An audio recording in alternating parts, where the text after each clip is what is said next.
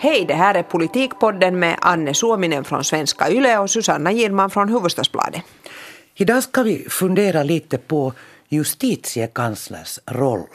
Vad gör landets justitiekansler? Ja. Ja, och vad borde han göra? Det där, och så ska vi konstatera, eller vi har noterat att spänningarna inom regeringen har ökat helt klart. Så klart att det nu syns väldigt tydligt också utåt.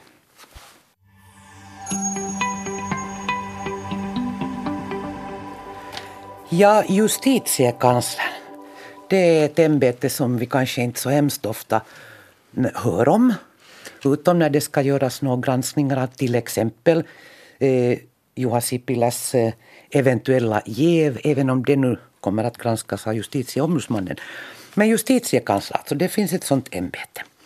Och vi ska lite titta på vad den här justitiekanslern gör. Bakgrunden till att vi är lite intresserade av det så är nu till exempel grundlagsutskottets utlåtande om regeringens lagförslag som eh, hade eh, gett invandrare med uppehållstillstånd ett lägre arbetsmarknadsstöd än finländska arbetslösa. Man hade kallat det inte ett arbetsmarknadsstöd utan ett integrationsstöd och det hade varit 90 procent av arbetsmarknadsstödet.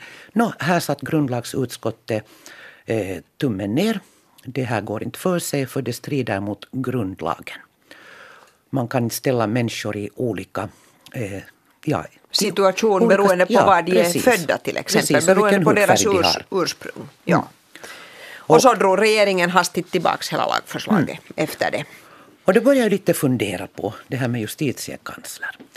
Eh, för mitt minne säger att det är en person där på statsrådets kansli som, som ska övervaka att de lagar som ges håller måttet att regeringen inte föreslår någonting som är uppenbart eh, lagstridigt, grundlagsstridigt. Och jag, jag Titta nu faktiskt då på nätet, att har jag rätt eller har jag fel? Vad står det om justitiekansler? Och jo, så här står det på justitiekanslers hemsida. I praktiken sker laglighetskontrollen genom att justitiekanslern på förhand för granskning får de handlingar som behandlas vid regeringens sammanträden. Dessa frågor behandlas varje vecka på justitiekanslerämbetet vid den så kallade listagranskningen. Vid granskningen går man igenom de förslag till avgörande som tas upp till föredragning vid statsrådets allmänna sammanträden. Och den här granskningen gäller då juridiska aspekter, inte beslutens ändamålsenlighet eller annan politisk bedömning. Men det är alltså juridiken som justitiekanslern ska titta på innan lagförslag ges till riksdagen. Ja, så att de här lagarna inte liksom går stick i stäv med några andra lagar till exempel. Eller, att, eller just precis att de inte står i konflikt med, med grundlagen då. Även om vi har det där grundlagsutskottet. Men det kan ju finnas vissa uppenbara fall som ju JK då borde kunna stoppa. Och han är ju inte ensam, han har ju en, en liten byrå. Den är väl inte hemskt stor men i alla fall så måste han nu inte helt ensam traggla igenom allting. Nej det är nog inte så att, att han sitter där med, med liksom en halv meter lagförslag och svettas och ångar på inför varje regeringssammanträde utan där finns nog en, en eh, personal för det här jobbet.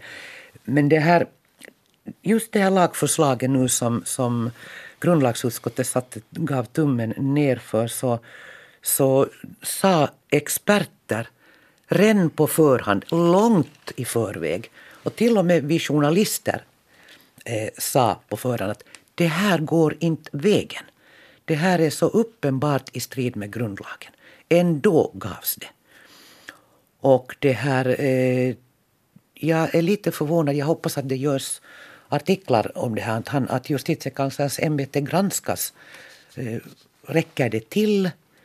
Den personal som finns där. Jag minns att, eh, att uh, Tina Astola som uh, då avgick som kanslichef uh, vid justitieministeriet tidigare i år så sa i, i samband med avgången i en intervju för, för rundradion att, att det här med justitiekanslergranskning det räcker inte. Att ett annat problem är här nu att, att det inte finns juridisk expertis Eh, tillräcklig juridisk expertis i själva regeringen i och med att grundlagen inte längre förutsätter att justitieministern Nej. är jurist. Förr så måste justitieministern vara jurist men det avskaffades när grundlagen ändrades år 2000, alltså för 16 år sedan. Men Anne, du hade tagit reda på att efter det så har nog ändå de flesta justitieministrar varit jurister, men inte riktigt alla. Nej, vi har alltså haft sex justitieministrar med den nya grundlagen och av dem har fyra varit jurister. Eh, Jussi Järventaus, Johannes Koskinen, Tuija Brax och sen Anna-Maja Henriksson. Men två har då saknat eh, juristexamen. Lena Luhtanen, socialdemokrat, och nu då Jari Lindström. Och eh, jag tror det var just Tina Astola eh, som, som sa att, att det, det, liksom, det blir en, en ganska besvärlig situation eh, till exempel nu i den här regeringen när, när det här ordförandena för regeringspartierna sitter tillsammans och eh, kommer överens om saker och ting. Och den juridiska kunskapen är lite liksom ute i det blå. Och, och då, då går det tyvärr så, det här var inte hon som sa det här, nu säger jag, att det tyvärr eh, ser ut att gå så att, eh, att man av politiska skäl inom regeringen eh, ger lagförslag som inte håller måttet. Och det, då är man nog ute på ganska farliga vatten. Så är det. Nu har vi precis, alltså nu har vi ju också den situationen att inte bara så är Jari Lindström ingalunda jurist utan dessutom så är han inte bara justitieminister utan också arbetsminister och det är ju redan liksom en det, det försvårar så att säga saken kanske ytterligare. Men det där, men att ja, det, det, här är nog, och det måste ju i det här fallet just med det här integrationsstödet som, som då inte inte klara granskningen i grundlagsutskottet. Eftersom det inte var någon överraskning för någon egentligen, så måste ju ha varit så att här styrde den politiska ändamålsenligheten, det vill säga det här var ett så hårt krav från Sannfinländarnas sida och det traglades ju tydligen ganska länge eh, där på ministeriet eh, eftersom det tog ganska lång tid innan den här lagen kom. Eh, men att det, trycket var då på något sätt så hårt, det politiska trycket i regeringen, att man då ändå stannade för att avge en lag som man egentligen visste att den inte skulle kunna klara den här granskningen. Och, och visst skapade det en jätteunderlig situation. Jag, jag hörde vid kaffebordet nyss av en kollega att, eh, att eh, tjänstemän och många tjänstemän också är ganska olyckliga över den här situationen. Att de är tvungna att bereda lagförslag som de vet att inte håller måttet. Och, och jag, jag, kan förstå tjänstemän att de, liksom, eh, de gör vad de får i uppgift att göra av sin arbetsgivare, det vill säga sin minister, sin regering. Men, men som tjänsteman så försätts man ju nog i en, hur ska vi säga, man, man, en obehaglig situation. Man tvingas ju eh, jobba mot sin egen eh, övertygelse, sitt bättre vetande. Ja, sin, så att säga också kanske jag menar en slags tjänstemannapraxis. Eller, de är ju förbundna att följa god förvaltningssed och sånt här också. Så att jag kan också tro att det kan bli väldigt kvistiga situationer. Jag kommer att tänka på ett annat äh, lagförslag som också har haft problem och vi, som vi fortfarande inte har sett helt annorlunda men ändå, ändå samma liksom grund, eller ändå också ett grundlagsproblem och det är det här experimentet med, med att få ersätta svenskan som, eh, med ett annat språk i skolan. För där finns också de här problemen att, att eh, vilken situation försätter man de här eleverna i som har deltagit i det här experimentet och som ju antagligen inte har någon aning om vad de vill göra med sitt liv i framtiden och då kan de plötsligt befinna sig i en situation där de så att säga inte fyller måtten när det gäller till exempel krav på vissa tjänster och sånt här. Och, och det är ju också en jättekinkig situation. Och vad jag har förstått så det här har ju också utretts väldigt länge. Och det här är också ett krav från Sannfinländarna. Och de har efterlyst den här lagen. Och nu har då undervisningsminister Sanni Grahn-Laasonen från Samlingspartiet sagt att jo, nu ska den komma i slutet av året eller början av nästa år eller hur det nu var. Men jag undrar också att hur går det med, det, med den frågan? Mm. Det är också ett sånt här exempel. Jag eh, brukar läsa Sannfinländarnas eh, Facebook-sida och eh, när du tar upp den här skolsvenskan så var det en lite intressant diskussion häromdagen som handlar om den skolsvenskan och om eh, vindkraften där Sannfinländarna ju nu har fått eh, till stånd det att vindkraftsstödet läggs på is tills man har gjort en, en eh, grundlig vetenskaplig utredning om eventuella hälsoproblem med vindkraft. Och sen diskuterades där då det här, hur ska vi säga, alltså motståndet mot samkönade äktenskap. Nu finns det ju det nya medborgarinitiativet som vill kullkasta den lag eh, som redan har godkänts om att, eh, att eh, om könsneutrala äktenskap. Könsneutrala äktenskap alltså. Nåja, men i den här Facebook-diskussionen där så var det flera som sa att att är det här nu de här stora avgörande frågorna för det här landets framtid? Att var är diskussionen om, om eh, om de här nedskärningarna som har gjorts där Sannfinländarna lovar dyrt och heligt inför valet att, att man inte ska gå åt dem som har det allra sämst. Nu har man gått åt eh, de här grundläggande ersättningarna, socialstöden. Var är den diskussionen? Vad är det ni egentligen sysslar med? Ni sysslar med, med vindkraft och läderlappar, ni sysslar med, med samkönade äktenskap och ni sysslar med möjligheten att eh, ta bort skolsvenskan i en del skolor i experimentsyfte. Är det här det som ska rädda Finland? Och det är ju en ganska bra fråga men det, det tyder ju nog på också att där börjar kanske finnas åtminstone lite frågetecken i Sannfinländarna om om vad den här regeringen gör för just det partiets väljare.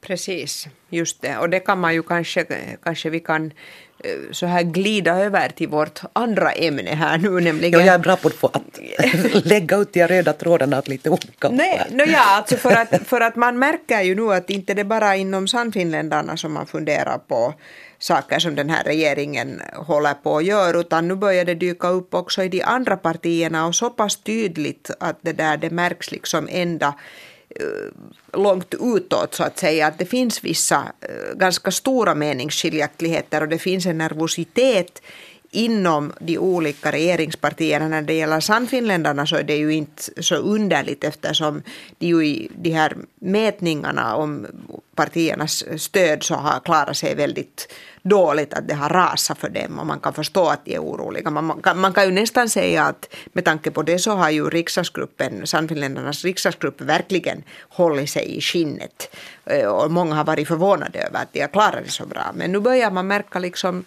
till exempel inom Centern också ganska eh, en hel del sådana här tongångar och då tänker jag till exempel på alkohollagen som ju nu just precis ganska nyligen har gått på en utlåtande runda och det, det är ju en lag som går in för en betydande liberalisering vilket brukar vara svårt när det gäller alkohol för Centern.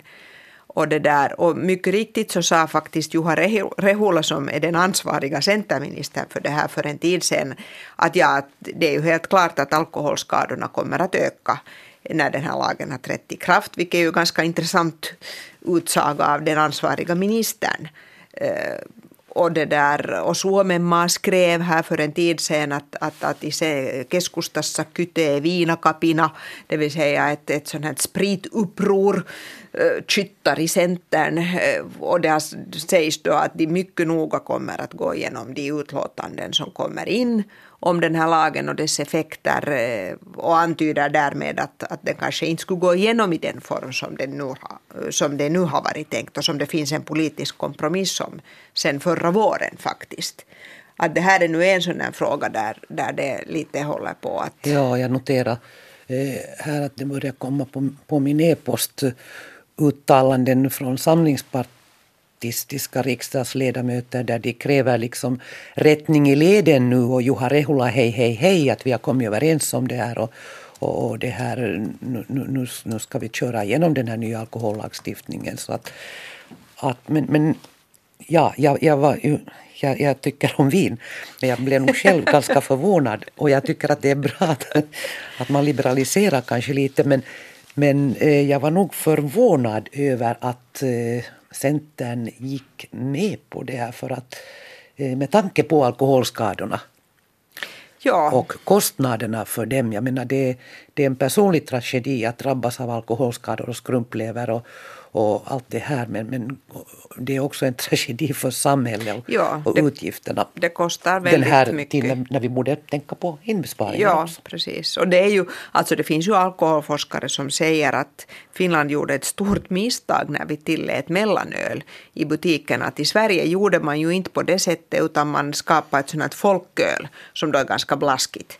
Och, det där, och då får man istället gå till Systembolaget och köpa mellanöl. Och det där. Men att där är alkoholskadorna har blivit liksom betydligt, de har haft mindre problem. Och nu kommer då alltså, nu kommer liksom ännu starkare varor att kunna säljas i, i matbutikerna. Också de här så kallade läsk, sån här läsksprit, vet jag inte om det här är den korrekta termen på svenska men, men det där. Karamellsprit. Ja precis, just det, som alltså ungdomar gillar. Och där den där alkoholsmaken så att säga försvinner under vad det nu är för annan smak då. Så att det där, att även om också jag tycker om vin så, så tycker jag att jag klarar alldeles bra av att gå och köpa det. Och nu får vi ju inte vinet i matbutikerna ännu men det är kanske sen nästa steg. Eh, jag klarar alldeles bra av att gå och köpa det i Alko på vissa tider liksom Alko kommer ju nu att hålla, få hålla öppet till nio och det är ju helt vettigt eftersom de ofta finns i samband med andra butiker som är också är öppna till nio. En del nu för tiden också till och med lite längre faktiskt. Men det där, men, men ja, jag är nog också lite bekymrad men jag är nog lite sådär puritan när det gäller de här frågorna måste jag säga. Plus alkomonopolet tycker jag så tillvida är väldigt bra att när jag går till Alko så får jag en betjäning. Det är sant. Jag, jag vet att där finns ett urval som är genomtänkt och att där finns eh, det här blir nu En ska vi säga, reklamskrift för en reklam- Alko. brandtal för Alko. Men, men det här med betjäning så börjar vara på kort också i det här samhället i butiker. När, när vi har bara de här stora marketerna. Så det Ja. känns bra att komma in i en butik där det finns en sakkunskap och, Ja. och du blir betjänad och, och det finns kvalitet på Ja. det som säljs. Ja. Men alltså om det nu är så att Centern faktiskt börjar darra på manschetten när det gäller den här alkohollagen då blir det nog problem inom regeringen. Helt klart för att som du sa församlingspartiet det här är en jätteviktig lag och, och Sannfinländarna var då också för en väldigt stark liberalisering vilket kanske Ja, nu inte vet jag. På något sätt överraskade mig lite, men, men kanske ändå inte. Men i alla fall så, så där får Centern problem med de andra regeringspartierna, helt klart. Och en annan fråga där man nu kan se att Centern och Samlingspartiet är inne på helt olika linjer och, och, och där tror jag nog att Sannfinländarna är på Centerns linje. Så det gäller det här att måste, måste man skära ner ytterligare i, de, i den offentliga ekonomin, de offentliga finanserna. Det, det kommer ju regeringen då att behandla på våren när de har sin Ja. halvtidscheck och sin budget ria för rambudgetria och det där och där tycker jag ju varnar ju då Petteri Orpo han gjorde det redan i somras Samlingspartiets ordförande och finansministern säger att, att det där han ser nog att det kan behövas En en till två. miljarder till. Och då hade alltså man nu skurit ner en med fyra miljarder. Och det här, medan Sipilä då inte ser något som helst sånt behov utan han vill då tro att nu börjar ekonomin dra och sysselsättningen blir bättre och så här. Och Orpo säger att jo, jo, om det går så men att, att det är väldigt svaga tecken ännu på att det faktiskt går på det sättet. Och det här kan också bli ett problem för att här, här tycks nu någon slags gräns komma emot för Centern liksom med de här med de här kraven på, eh, på nedskärningar som, som ju inte egentligen har varit riktigt sån Alltså det har ju inte varit sån här gammaldags centerpolitik. Att Centern är ju ett parti som har haft ett ganska starkt socialt samvete. Och om du tittar på, på Centerns eh, olika program inför riksdagsvalet Mm. så, så hittar du nog en, en rad, ska vi säga, eh, valkampanjteman som utgår från att många av de nedskärningar som har gjorts nu egentligen inte borde ha gjorts. Precis. Borde Precis. göras. Ja, och inom Centern så det har ju varit ganska tyst. Alltså det har man ju Många, inklusive jag själv, har förvånat sig över att, att det har varit så tyst i Centern. Att det har inte kommit den här diskussionen, har inte bubblat upp särskilt mycket när det gäller just det här. Att det har funnits vissa kritiska röster men de har liksom hållit sig till Suomenmaas spalter och man har inte fått dem att säga som till exempel Seppo Kääriäinen och Mauri Pekkarinen och sådana. här. De har inte liksom öppet sagt. Men, det där, men nu tycker jag att det börjar lite bubbla på och jag tycker att man ser liksom i Sipilas agerande det här. Att nu finns det ett inre tryck. Att eh, till exempel för någon vecka sedan så var han på ett distriktsmöte i norra Österbotten och då riktigt så där bad han att kom nu med exempel om hur de här nedskärningarna slår ut på felaktiga sätt. Vilket ju på sätt och vis måste jag säga känns en aning underligt att han måste be Centermedlemmar komma på exempel när han är statsminister och har en jätteutredningsapparat till sitt förfogande. Det borde inte vara så svårt att se hur det här kan slå ut. Ja, nu har han ju uh, beslutat berätta att han ska tillsätta en sån här speciell arbetsgrupp. Inom under, Centern? Ja, under ledning av Juho hette han väl, Juho Saari. Just det. Ah, men, men var det en centerarbetsgrupp Nej, eller var det en... Okej, okay, då hade jag missförstått. Ja, jag, jag uppfattar nog som så att det är en arbetsgrupp uh, som ska jobba för regeringen. No, det skulle vara det enda raka. ja, ja. Men, men hur som helst, alltså en Just arbetsgrupp det. under ledning av professor Josari som ska titta på Alltså Sipilä är orolig för det som man säger eriarvoistuminen i, i samhället. Att vi har en, en ojämlik en tudelning på gång. Och nu ska han då sätta, tillsätta en arbetsgrupp för att titta på det här och vad man borde göra. Och, och då frågar man ju sig nog att vad har regeringen tänkt under hela vägen nu under den tid man har suttit? Då man har skurit ned uttryckligen i stöden för dem som det inte går särskilt bra för i det här landet. Man har bidragit medvetet till en tudelning, till en, en, en utveckling som behandlar människor olika beroende på i vilken situation du är i samhället. Och nu ska han då tillsätta en arbetsgrupp för att titta på det här. Handlar det här nu då också om att han egentligen har börjat bli lite nervös? Ja. Och att det där trycket börjar komma från, från fältet, att det, det liksom börjar gå för långt. Plus att då eh, Orpo då upprepar eh, det här hotet om att, att eh, det kommer nya inbesparingar under eh, rambudgetförhandlingarna, mellangranskningen som då har skjutits fram till efter kommunalvalet. Precis. Och, och, och det här, det, utan att öppna då vad de här inbesparingarna skulle handla om. Men det finns ju inte så många Nej, alternativ. Finns inte. Plus att Samlingspartiet själva sagt att nu är det slut på inbesparingarna i utbildningen så gå inte och ta där då. Det, det kan Orpo aldrig liksom Nej, precis. tillåta. Tvärtom så har Samlingspartiet väl lyft upp utbildningen och den här småbarnspedagogiken som ett av sina teman inför kommunalvalet. Ja. Det är ju också väldigt intressant. Ja. Men jo, på din fråga, jo, jag tycker att man ser nu en sån här nervositet och jag tror att det förstås beror på det här kommunalvalet eh, delvis och sen också på liksom att trycket inom de här regeringspartierna håller på att bli stort. Och då vill jag ännu bara lyfta upp ett exempel till och det handlar om vårdreformen och jourreformen att det där, eh, också här börjar det nu komma kritiska centerröster. Eh, för att Centern är ju det stora kommunpartiet och den här vård och landskapsreformen tar ju då bort makt och pengar från kommunerna. När man tröstar sig med att de då får sina landskap som de alltid har suktat efter i hundra år. Men, men faktum är att landskapen har inte så mycket makt för att pengarna sitter staten på och det är staten som kommer att styra fast landskapen kommer att få sådana här folkvalda fullmäktigen. Man kan nästan fråga sig att till vilken nytta så att säga de kommer att väljas. Ja. Att är det verkligen värt det? Och nu har, nu har en, en centerriksdagsledamot, Hannu Hoskonen, tagit bladet från munnen och varit jätteorolig över det här. Plus att, att nu ser vi igen en tidtabellsförskjutning hela det paketet som har att göra med valfriheten borde vara klart vid det här laget. Det är fullständigt ute i det blå om man nu tolkar olika eh, uttalanden här. Också Juha Rehula själv rätt. Nu, nu hoppas man i regeringen att det kommer då inom december.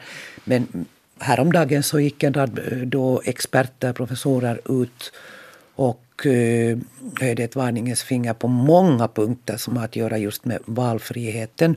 Till exempel så ansåg de då det som nog faktiskt andra också ansett att att man kan inte genomföra valfriheten fullt ut med buller och bång i hela landet, allt ja. på en gång, utan man gjorde, borde göra, eh, ta ett landskap, göra det som ett experiment först och skapa de goda rutinerna, skapa de här, eh, med tanke liksom på, på den sjuka, på dig och mig, skapa de här öppna systemen för att du ska kunna välja. När du går ut och du ska välja, du är sjuk, du ska välja. Ska jag gå till den här privata eller ska jag gå till den här offentliga eller den här tredje sektorn så måste du veta klart och tydligt vad det är du får, vad de erbjuder dig, vilka rättigheter du har där, att, eh, vad, vad kan du kräva där. Och, och, det här liksom är ett sånt enormt jobb att skapa de här goda rutinerna, den här öppenheten, att eh, det, det borde göras eh, i långsam takt och med då till exempel ett landskap som, som ett försök. Ja, nu, nu är det ju också flera av de här experterna som är oroliga för det att det sades ju då när regeringen hade gjort, det är ju ett drygt år sedan alltså som det var en liten regeringskris kring det här. Och ut ur den krisen kom då det här att det här fria vårdvalet så att säga skulle införas redan nu, för ursprungligen skulle det göras först under nästa regeringstid. Precis. Men det var det politiska pris som Samlingspartiet krävde för att godkänna Centerns landskap. Ja. Och därför blev det redan nu. Och det där, då sades det att jo, man ska se till att, att, det där, att de här stora firmorna inte kör över de små, utan det här är nu fysioterapeuten i Ilomant ska liksom ha möjlighet nu att vara med här och, och ge fysioterapi och inte bli överkörd av något Attendo eller Mehiläinen eller Terveystalo och allt vad de nu heter. Och nu finns det nog många som är oroade för att hur ska man se till att det inte precis just går på det sättet. För sen när de har liksom tillskansa sig om de lyckas med det köpt upp, vilket de ju gör redan nu, det ser man. Vi hade en stor affär här alldeles just mellan två ganska stora, Diakoro, Diakoro Terveystalo och så här. Så man ser liksom en sån här utveckling. Sen när de har liksom koll på hela marknaden så är det ju fritt fram att höja prisen. Att, det där, mm, att här finns liksom många, och sen har vi då det här i kombination med det här att hela den här reformen ska ju stävja kostnadsutvecklingen med tre miljarder. Att det är också ganska många som har sagt att hur ska det här gå ihop? Och det kan man nog verkligen fråga sig. Och så har vi ännu grundlagsproblem mm. i det här som vi inte kanske ännu ens till fullo vet vad det handlar om. Att hittills har vi bara sett det här med jourreformen. Eh, med sånt som verkar vara uppenbara uh, grundlagsproblem. Och det här är ju en så jättestor principfråga för regeringen. Att de så att säga kan driva det här i, la, i land, heter det så. Att I hamn? I hamn, just det. Fast det nog kanske ser ut att driva i land grund, på grund. just det. ja, just det. Här finns jättemånga frågetecken och vi, man får nu se faktiskt hur det kommer att gå. Ja, om den här kostnadsutvecklingen, om jag läste de här experterna, de här senaste ja. experterna och alla deras frågetecken rätt, så, så var de ju ganska oroade också över det här att, att när, när, när de privata så att säga tar över så mycket så kan det också leda till att när du går till en privat läkare, folk börjar gå mer och mer till den privata läkaren för de vet att de är remisser hit och dit och, och, och, så, och, och de sköter över liksom den här dyra eh, vården på det via remisser på det offentliga. Mm. Så att eh, och det, har ju, det, det, är ju på det sättet alltså tragikomiskt att en orsak till att den här reformen, jag menar den behövs, det är ju helt klart att det behövs en reform. Eh, men det där, och en orsak till att det behövs är det att det har funnits den här liksom eh, dragkampen mellan kommunernas vård å ena sidan och den här liksom eh, sjukvårdsdistrikten å andra sidan. Det vill säga just det här att kommunerna har skjutit över till sånt som de inte ensamma betalar för utan betalar för tillsammans med andra kommuner och så vidare. Att eh, man har optimerat så att säga. Mm. Och det är just precis en orsak till det här och nu riskerar vi att få en annan slags optimering. Så att det där Ja, alltså jag undrar faktiskt hur det kommer att gå. Jag trodde en tid att, att, att de nog lyckas driva igenom det här och att de faktiskt kommer att ro det i hamn då, utan att stöta ja, på grund. Ja. Men nu är jag inte så säker mera. Nej, och det kommer ju, vi pratade i förra podden om Juha Rehulas eh, beteende då där i Österbotten och eh, hur han på olika tillställningar, också bakgrundstillställningar, stönar och stånkar över hur överarbetad han är. Det här har jag hört nu också efter det. Alltså de här signalerna kommer hela tiden om att eh, irritationströskeln där börjar vara ganska låg. Och på något sätt så tycker jag att, att så här när vi nu närmar oss regeringens halvtid så, så får se om det kommer att krisa till där riktigt mm. ordentligt. Nu tillkommer här ju sen då sånt här som, hur ska vi säga, det här Sipiläs eh, terra fame. Ja, just det. Det här gate som man väl kan kalla det när han först går omkring i, i mössan när han besöker Talvivaara. Och det, men det får han väl göra förstås men det ser inte riktigt bra ut. Och sen kommer den här jävhistorien till och han verkar inte ens fatta vad det är man diskuterar nu. Vad problemet, vad problemet så att säga, så att säga är. Han kommer knappast att uh, bli fast för jäv, det tror jag inte. Men, men här handlar det ju inte bara om, om är det jäv eller inte utan om hur det ser ut helt Och i vilket skede man så att säga utreder ja. saker. Att, att, det där, att, att om det finns den minsta risk för att någonting ska uppfattas som jäv så ska man ju inte vara med om det där beslutet. Och sen är det liksom skadan redan skedd så att säga. Att, att det där, dessutom har jag ju blivit hemskt irriterad på att, att journalister då har frågat om det här. Och, det där, och man kan väl säga nu att om någonting så är det här väl en mycket väsentlig fråga som journalister uttryckligen ska ställa frågor om. Att, att om, om en högt uppsatt politiker eventuellt liksom blandar ihop olika roller eller, eller, eller om det kan, det är just sånt man ska fråga om. Och, det där, och då spelar Pippon en mindre roll, men det där faktiskt, men, men, men det gillar han inte. Men det tycks vara lite, nu ska vi kanske inte säga typiskt, men i varje fall lite kännetecknande för Sipilä det här att man sen i efterskott tittar på, eh, på nu till exempel då jäv istället för att göra det på förhand. Han, i tiderna så sa han ju också att eh, regeringen fattar sina beslut först och sen tittar man på konsekvenserna, utreder dem i efterskott. Mm. Och det tycker jag man har sett ganska mycket av här samtidigt, liksom på samma sätt som med jourförordningen och, och mycket i den här social och hälsovårdsreformen. Men Susanna, vi ska göra vår eh, sista podd tillsammans här om ett par veckor i december. Vad tippar du? Tror, du? tror du vi har någonting nytt att säga om Sote? Det börjar kännas liksom nu så här att vi, vi får titta på Sote nästan varje gång. Den är ju jätte, jättestor och viktig den här frågan och, och jag känner för den och, och det, det, det måste diskuteras. Men, men tror du vi har kommit till skott då? Nej, det inte tror jag vi. inte. Vi inte heller regeringen. regeringen. Nej, jag tror inte. Jag tror nog att det tar, tar tid och jag tror också faktiskt att det är nu så att man kan, nu, nu, nu försöker man förstås hålla ihop det här, det måste man ju komma ihåg att trots att man ser de här sprickorna och de här liksom spänningarna så ligger det i alla tre regeringspartiers intressen att de ska så att säga klara av att vandra vidare tillsammans. Men utan jag tror nog mer att det kan bli där på vår sidan sen problematiskt och att, det kan, att man kanske, att, ja, no, det vågar jag inte säga om det liksom ske, exploderar före eller efter kommunalvalet. Det, om det nu alls exploderar, men det där någonstans i de tiderna.